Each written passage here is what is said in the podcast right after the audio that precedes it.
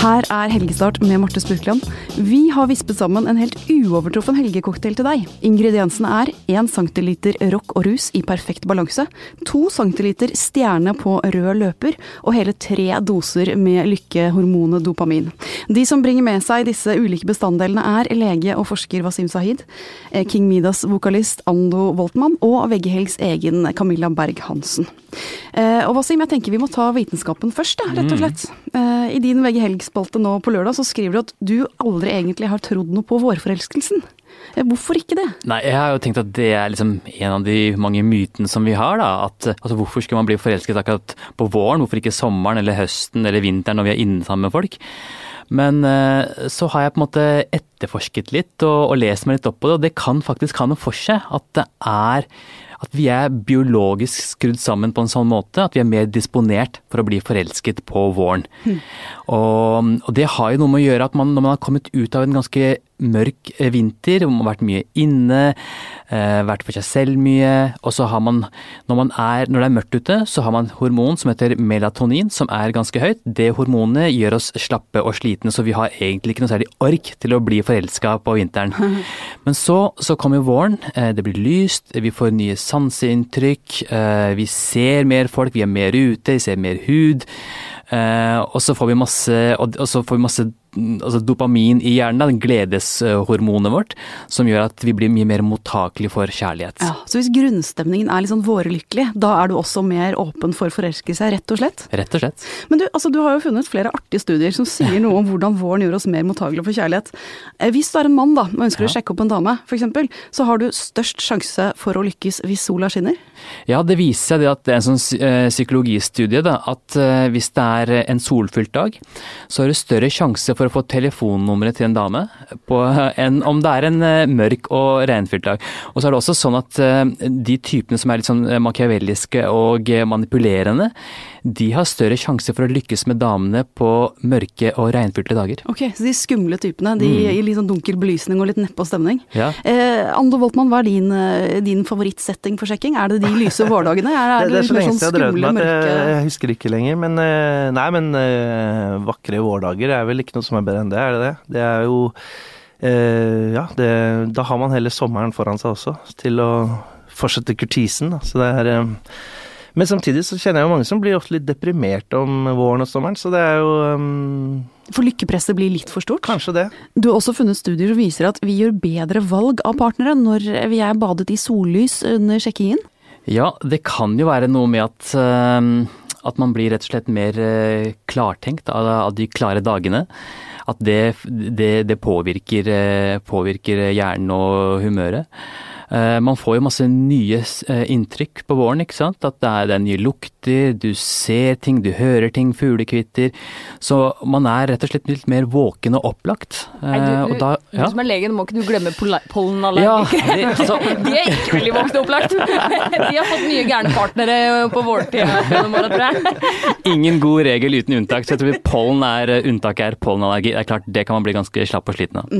Så er du ikke pollenallergiker, da, så er våren den aller beste tiden for sjekking. Men altså, går det an å overføre det til andre områder av livet òg? For ting føles jo litt enklere om våren. Eh, Kjærligheten føles enklere, jobbvalgene føles kanskje litt enklere. Ting er litt sånn eh, Gjør vi bedre beslutninger på andre områder også? Jeg liker å tro det, at jeg gjør det, i hvert fall. Eh, og jeg, en, jeg er vel en av de som blir positiv på våren. og Det er da jeg legger planene for resten av året, og dette skal jeg oppnå, og, og hårete mål og komme i form og den type ting. Så i hvert fall så blir jeg liksom, jeg får på meg joggesko og er ute og litt mer sånn, så blir jeg litt mer positiv. Så det du tenker om partneren din i november, eller jobben din i november, glem det. Det er det du tenker i mai som gjelder. Det er egentlig veldig fint. Eh, vi skal videre til deg, Ando Woltmann. Altså, eh, nå på lørdag, 9. mai, da er det en merkedag. Eh, da er det 53-årsdagen til denne popindustriens store stjerner, eh, Deppers Mode-vokalisten Dave Gahan. Eh, og du selv er jo ikke bare norsk rockestjerne, men også fast bidragsyter i VG Helg. Og du skriver i spalten din nå at Dave han har gjort sitt ytterste for ikke å bli 53 år. Eh, Ja, er det virkelig én rockestjerne som har gjort det meste for å, for å slippe det, så er det han. Han hadde en periode på um, slutten av 80-tallet og, og ja, ut i midten av 90-tallet hvor han Han fikk tilnavnet The Cat av uh, uh, ambulansepersonellet i Los Angeles. Rett og slett fordi han hadde så mange liv, da. Som en katt. Han overlevde overdoser, han overlevde selvmordsforsøk, han hadde hjerteinfarkt, han, uh, han knakk det som var av bein i kroppen. Han, altså, han var rett og slett ikke bare uheldig, men jeg tror han også hadde et lite ønske om å forlate oss. Men klarte det rett og slett ikke. Ja. Men man kan jo lure på det, fordi at altså Deppers Mode det er jo et av verdens mest populære elektronikaband gjennom tidene. Solgt over 100 millioner album. Uh, Gahan er jo manges own personal Jesus, for å si det sånn. Og så har han likevel selvmedisinert så grundig, altså. Er det, er det, her er vi inne på rockemyten, selvfølgelig. Er det popstjernelivet eller rockelivet som bringer rusen til Dave, eller er det Dave som må ha litt rus og galskap for å bli ordentlig stjerne? Nei, jeg tror nok eh, i hans tilfelle så er det, er det, nok noe som ligger litt sånn helt tilbake fra barndommen av. Han var jo han var ungdomskriminell, og han var jo på ganske gale veier i livet før han, før han oppdaget rocken, da. Eh, eller, ja, så eh, Men det er jo litt den der klassiske kunstnermyten, da. Liksom at man skal ruse seg som kunstner. Og ja, det er vel Rockestjernen er vel liksom den nye kunstneren. Den nye kunstneren, ja.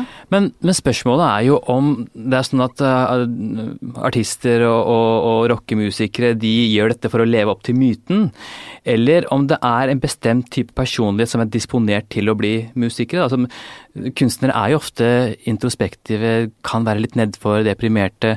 Eh, og at det rett og slett er den type mennesker som tiltrekkes disse, disse yrkene? Da. Ja, det tror jeg. Jeg tror egentlig det, det siste du nevner, at det er liksom en, en viss type mennesker. Eh, Nå er det jo gøy å holde på et speil foran deg, da, når du sitter her med, ja, med bandet ditt og Spellemannprisen. Jeg kom, kom aldri så langt. Men altså, du, du og King Midas, dere flytta vel til Berlin ganske tidlig, og, og fikk mm. en smak av det artistlivet. Var det mange fristelser? Var det mange muligheter til å skli utpå? Ja, det er klart det. Det er jo det. Men det er jo bare hva man gjør det til selv, egentlig. Og jeg har inntrykk av at i dag så altså, finnes finnes det egentlig noen ordentlige rockestjerner igjen. Jeg tror eh, altså folk flest som driver med rock i dag, de er veldig hardtarbeidende og ordentlige folk, egentlig. Eh, ja, se på Ossi Osborn. jo da, men altså, du har noen av disse gamle folka, da, sånn som Jagahan og Ossi Osborn og noen, noen, av de der, men allikevel de de, de, går rundt på to bein fortsatt. Det, så vidt, ja. ja. Men det er jo også noe dørgende kjedelig da, hvis det blir for ordentlig. Altså, eh, det å være, hvis du er trebarnsfar, eller mor for den saks skyld, mm. Eh, og revisor på dagtid, og så drar du på en liten rocketurné sånn innimellom. Ja. Eh, hva skjer med hele artist... Du vil ha litt mer rampene, vil du ikke det? Jo, jeg foretrekker jo det, men, men, det ser ut som at liksom verden dessverre har blitt veldig mye mer konform, da. Og jeg tror ikke liksom det er rom for folk å kunne ruse seg så mye som de gjorde i gamle dager. Jeg, vet, jeg tror det rett og slett man bare faller helt utenfor. Jeg har tenkt mye på det i forbindelse med vi hatt hver gang vi møtes. Og vi har hatt uh, Onkel P og først Vinni som dukker opp, og som er blant de få som fortsatt har levd det jeg oppfatter som et ganske ja, åpent uh, rock'n'roll-liv. Da blir, nå har vi, Det omfavner vi, for det er blitt så sjelden! Vi har ikke noe ungdom som driver med opprør, ingenting lenger. Så når det endelig kommer en med styggen på ryggen og 'Drekka!', så blir vi sånn 'Ja! Å! Hei, unge! Så gøy, da, dere'. Ja. Men er det noen som overtar litt uh, ansvaret for å være rusa, da? Altså, hvis, du, hvis du ser på Hollywood-stjerner, f.eks. Det å ha en liten avrusningsklinikk på CV-en der, eller to å vise til, det er jo nesten obligatorisk. Ja, definitivt definitivt. Det er det som er nesten litt artig med det. At det er jo på en måte de, de man kanskje oppfatter som de liksom streiteste, mest sånn banale stjernene som på en måte virkelig tar av. da. Sånn Britney Spears og Justin Bieber og alle disse her. De har jo De har tatt over for eh, Jim Morrison og Dave Gahn. Så rocken er ute av rock og inn i Hollywood. Ja. Det, er jo, ah. det er jo nok av stjerner også som profilerer seg på å være veldig veldig sunne. Altså, eh, igjen, det har jo de Hollywood-stjernene som ikke er på avrusningsklinikk. De har jo eh, sin egen eh, diettblogg og treningsopplegg og alt det der. Eh, Camilla Berg Hansen, hvilke stjerner har du mest sansen for? De som er gale og rusa og rocka, eller de som er supersunne? Altså, hvis du spør du meg om jeg vil velge mellom Justin Bieber og Gwyneth Paltrow nå? Er det der vi er? Ja. Nei, vi må ha miksen, da. Vi må ha miksen, sier jeg da. Wasim? Nei, altså jeg ehm, Ja, jeg, er også enig, vi må ha miksen. Og jeg, jeg syns det er litt fascinerende med disse menneskene som er litt spesielle, da, og ikke kjempestreite. For eksempel Gwyneth Paltrow, altså med, henne, med hennes dietter og kokebøker og treningstips, syns jeg blir litt kleint, egentlig. ja, det skal koste litt å være kunstner fortsatt. Ja, vi er skjønt enige om det. Men altså, nå som vi snakket om både sjekking og om rus, eh, er det naturlig å trekke en, en type linje mellom disse to tingene? Henger jo litt sammen. Eh, lykkes man bedre eller dårligere med sjekkingen eh, med rus innabords? Noen som har noen synspunkter? Altså, Vi nærmer oss utepils. Ja, jeg mener det må være en klar sammenheng her. Altså, her må jeg trekke noen store linjer, tror jeg, mellom vår antall utepils, folk sitter i sola. Det må være en sammenheng der, er det ikke det? Forelskelse. Jeg, jeg tror det utlignes, jeg. Fordi øh, når du drikker, så får du bedre selvtillit, så da har du større sjanse for å gå bort til en dame, kanskje. Men det inntrykket du gjør, det er kanskje ikke like bra. Så jeg tror de utligner hverandre litt. Mm. For man får bedre selvtillit, men dårligere dømmekraft. Er det ikke, er det ikke noe med det? Ja. Det kan, man, kan kanskje brenne seg litt på det. Du er ingen fyllesjekker. Eh, nei, men det har vel forekommet det. Men eh, det er litt som, jeg tror det er litt sånn at man, eh, man kanskje tar seg litt vann over hodet, ja. Eller man, uten at man vet det selv. Så clean edru sjekking i, i lyset og sola, da. Det er det vi, det er det vi satser på i år. ja, det, det høres veldig streit ut, men det er kanskje det. Eh, Camilla Berg-Hansen, eh, til uka så starter jo filmfestivalen i Cannes.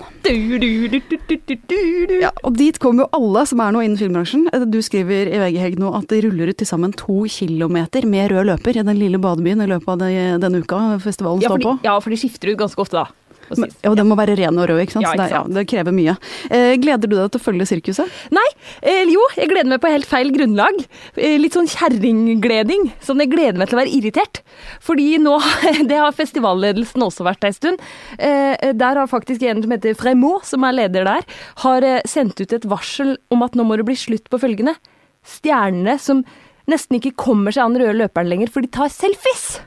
Nettopp! Ja, og det har irritert meg, nemlig. Mye. Så fotoseansene tar århundrer, for de står der og tar bilder av seg selv? De tar bilde av seg sjæl på den røde løperen. Og det syns jeg, det har ødelagt litt av glamouren i, i både film og musikk og alt, syns jeg, ganske lenge. Vi må ta en liten rundspørring Ja. på det. Det er ikke lov. Altså, Hvis det finnes en selfie-kutyme-håndbok, så står det ikke når du selv er på rød løper, alle andre er der for å ta bilde av deg. Det er ikke da du tar en selfie, eller? Jo, men nå skal jo disse stjernene også være på Facebook og Twitter og Instagram, og det er klart de må jo legge ut noe. Og det å på en måte få en selfie fra Meryl Streep eller hvem det måtte være, det er jo altså Å se det, det er jo spesielt. Da, Men da, blir du- de, da blir de mer vanlige, ikke sant. Det er det som er med sosiale Ja, medier. men det det gjør må folk mer vanlig. slutt på! Det må bli slutt på! Å Men da må du vanlig. heller følge etter Meryl Streep inn på damedoen og ta den der. Det er jo mye kulere Ja. å ta den på den røde løperen. Absolutt. Stikke telefonen inn under, inn i båsen til Meryl Streep. Okay, okay. Nei. Ja, så det vi lurer på da, Camilla, er eh, holder noe av magien og glamouren i Cannes på å bli borte? Ja, sant. Fordi når, hvis folk skal holde på med selfiekulturen eksempel, da blir det blir, For det første så er det nå så mange journalister der at jeg har hørt, nå har jeg ikke fått bekrefta det her, men at det er der det er flest akkrediterte journalister et, i noe arrangement etter OL. Det er over 4000-5000 journalister der på et par dager som da løper rundt. Og når det blir så mye bilder, så mye fokus, kan nesten bli litt i overkant. Og når du i tillegg da peprer ned det med at alle disse stjernene begynner å oppføre seg som du sa, var menneskelig. Det blir så menneskelig at det blir, det blir for mye av det gode. Jeg vil ha tilbake til litt glam og litt mystisk og litt solbriller og hatter som liksom svever forbi fine kjoler og er litt sånn elegante, og vi ikke vet for mye. Jeg, jeg, jeg ser den, men mitt favorittkjendisshow, ikke det at jeg har mange, men det eneste jeg ser på, det er Graham Norton Show. Og det som er, det som er oppskriften til hans suksess, for det er jo kjempepopulært, det er at han får stjernene ned. Altså han får de til å bli menneskelige, og det er også noe som appellerer veldig til seerne. Å se disse opphøyde gudene som mer seg selv. Og det syns jeg også er veldig spennende. Ja, ja, men ikke på rød løperen, da. Ok.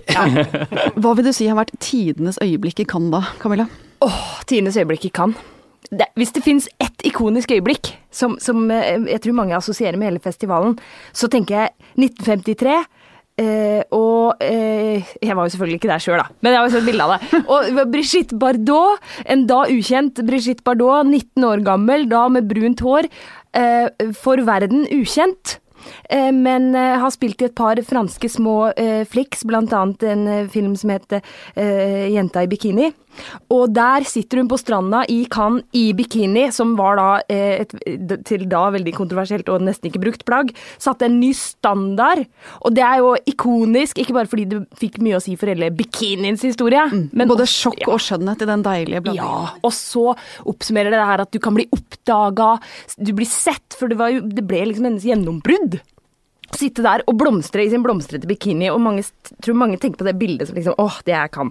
Og derfor var det òg veldig gøy når eh, Sasha Baron Cohen, vår alles kjære Borat, eh, benytta anledningen i 2006 til å dra en parallell og kom i sin grønne mankini. Åh, den som skjærer sånn akkurat ved, eh, mellom beina der og oppover. Jeg tror vi alle har sett den, for det går ikke an å glemme den. Nei, den sitter Den på er rimelig ja. Ja, Så det var litt morsomt. Men bortsett fra det, store kan-øyeblikk. Jeg personlig så om igjen på YouTube her om dagen. Det er et fantastisk øyeblikk. I jeg tror det var 1991. I hvert fall, Madonna er på høyden. Har vært ute på sånn Blonde Ambition Tour, og de lagde en dokumentar som vi i Norge kaller In Bed with Madonna. Den ble vist i Cannes. og, og der er det jo en streng dresskodeks. Der skal man være fin. Men Madonna kommer da feiende nedover den røde løperen i en burgunder hette eh, cape-aktig sak.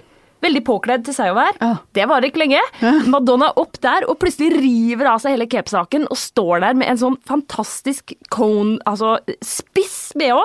Lang og spiss. Lang og spiss, ordentlig Jean-Paul Gaultier, og bare strutter løs med disse pointy puppa sine og bare hello! Og det var liksom måten hun bare tok hele den salen på. Det også, ikke sant. Kan stjerner, glamour, rød løper også få oppmerksomheten? Spisse pupper, mye bedre enn spisse albuer, egentlig, når du vil opp og frem. Rett og slett. Spisspuppa seg fram. Ja. Eh, Hvis vi nå skulle ønske oss noe da, av året, hva slags øyeblikk er det vi Altså, spisse pupper, vi har sett det før. Eh, Brigitte Bardot i bikini, sett det før. Eh, hva kan vi håpe på? Ja, det vi kan håpe på Jeg personlig har et ønske, eh, og det tror jeg ikke er alene om. eh, For det er, har bare skjedd en gang i historien at en kvinnelig regissør har vunnet det gjeveste trofeet av alle trofeer, da, denne gullpalmen i hovedkategorien. Det var, i- var det 93. Det var i hvert fall Jane Campion. The Piano. Det er eneste gangen, og eh, det er to nominerte kvinner i år. Ikke at de ligger kjempegodt an, men det hadde vært kjempegøy om det var en kvinne. Vi heier litt på dem likevel. Ja, vi er litt politisk korrekte òg, da. Ja. Uh, Joakim Trier skal nedover. Ja, herregud! Ja, det er jo nesten viktigere enn alt. Det er jo hvordan Norge gjør det. det, er, det er også faktisk litt historisk gøy, nesten, fordi det er første gang på 36 år at vi har en norsk, det vi kan kalle en norsk film, som er eh, nominert i, eller skal spilles og kan vinne denne hovedkonkurransen av Gullpalmen. Selvmeste Palmekvasten. Jepp. Yep. Eh, Joakim Trier og denne 'Louder Than Bombs'. Som er da riktignok er det engelsktalende skuespillere, men vi kan så godt som kalle det en norsk film. Med han Eskil Vogt og, og, og Trier selv som har skrevet manus, og som bare regissert. Og det er norsk musikk, og i det hele tatt. Men har de sjanser? Eh, ja, vi sier det. Vi sier det. Vi heier i hvert fall helt vanvittig. Eh, hva skal Trier gjøre på den røde løperen? Eh, det er jeg ikke sikker på, men Ta hvis han tar en selfie, så blir jeg nødt til å ringe. da, da ringer vi. Han bør finne sin, tid, sin tids Brigitte Bardot med noe Men du, kan jeg si noe gøy om det òg? Fordi Trier, hans bestefar var jo også filmregissør. Eh, Erik Løken. Han var i Cannes på 60-tallet, og da var han eh, nominert, han også, for en film som het Jakten. Eh, vet ikke hvordan den filmen var, men da var han der med Bergman og glamouren og alt. Og jeg skulle på en måte ønske nesten at han kunne levd fortsatt, så han kunne si til sitt barnebarn Ikke ta selfie! Det gjorde ikke vi! In the golden days. Greit. Da har vi i hvert fall et soleklart tips fra Helgestart til de som er så heldige at de skal til Cannes. Eh, ingen selfies på den røde løperen, men finn dem gjerne i de der eh, avlukkene etterpå. De der mørkere rommene ikke vi kommer inn i. Marte må ikke oppfordre folk til å få. Hva er din egen selfie-paparazzi? Nei. Var det- Ble det feil, det? Kanskje å stalke Meryl Streep inn på do er kanskje ikke en god idé, men, men for all del, give it a go. Ja. Eh, noen andre tips? De som ikke skal uh, pusse skoene og pynte kjolen før de skal til Cannes. Hva skal man bruke helgen på, Wasim? Vet du hva, Denne helgen her så skal jeg løpe min etappe i Holmenkollstafetten. Kardiologisk avdeling på Rikshospitalet skal stille i lag, og det blir bra. Mm. Kommer du til å knele i første sving, eller går det bra? Nei, jeg har, jeg har trent hele våren nå, så nå er jeg i form. Nydelig. Ando? Jeg skal på den årlige fotballkampen med min gamle far. Så vi går på fotballkamp én gang i året, og det er nå på lørdag mellom Vålerenga og Stabæk. Åh, koselig. Ja. Så det, jeg oppfordrer alle til å gå på fotballkamp. Camilla Berg-Hansen. Ja, nei, jeg går for å bare sitte og kjenne litt på kjærlighetsdopamin, jeg. Ja. Det syns jeg er hyggelig. Da tror jeg helgen skulle være reddet denne uka òg. Eh, takk til eh, dere som har vært gjester, og til Magne Antonsen, vår eminente produsent. Vi høres igjen neste uke.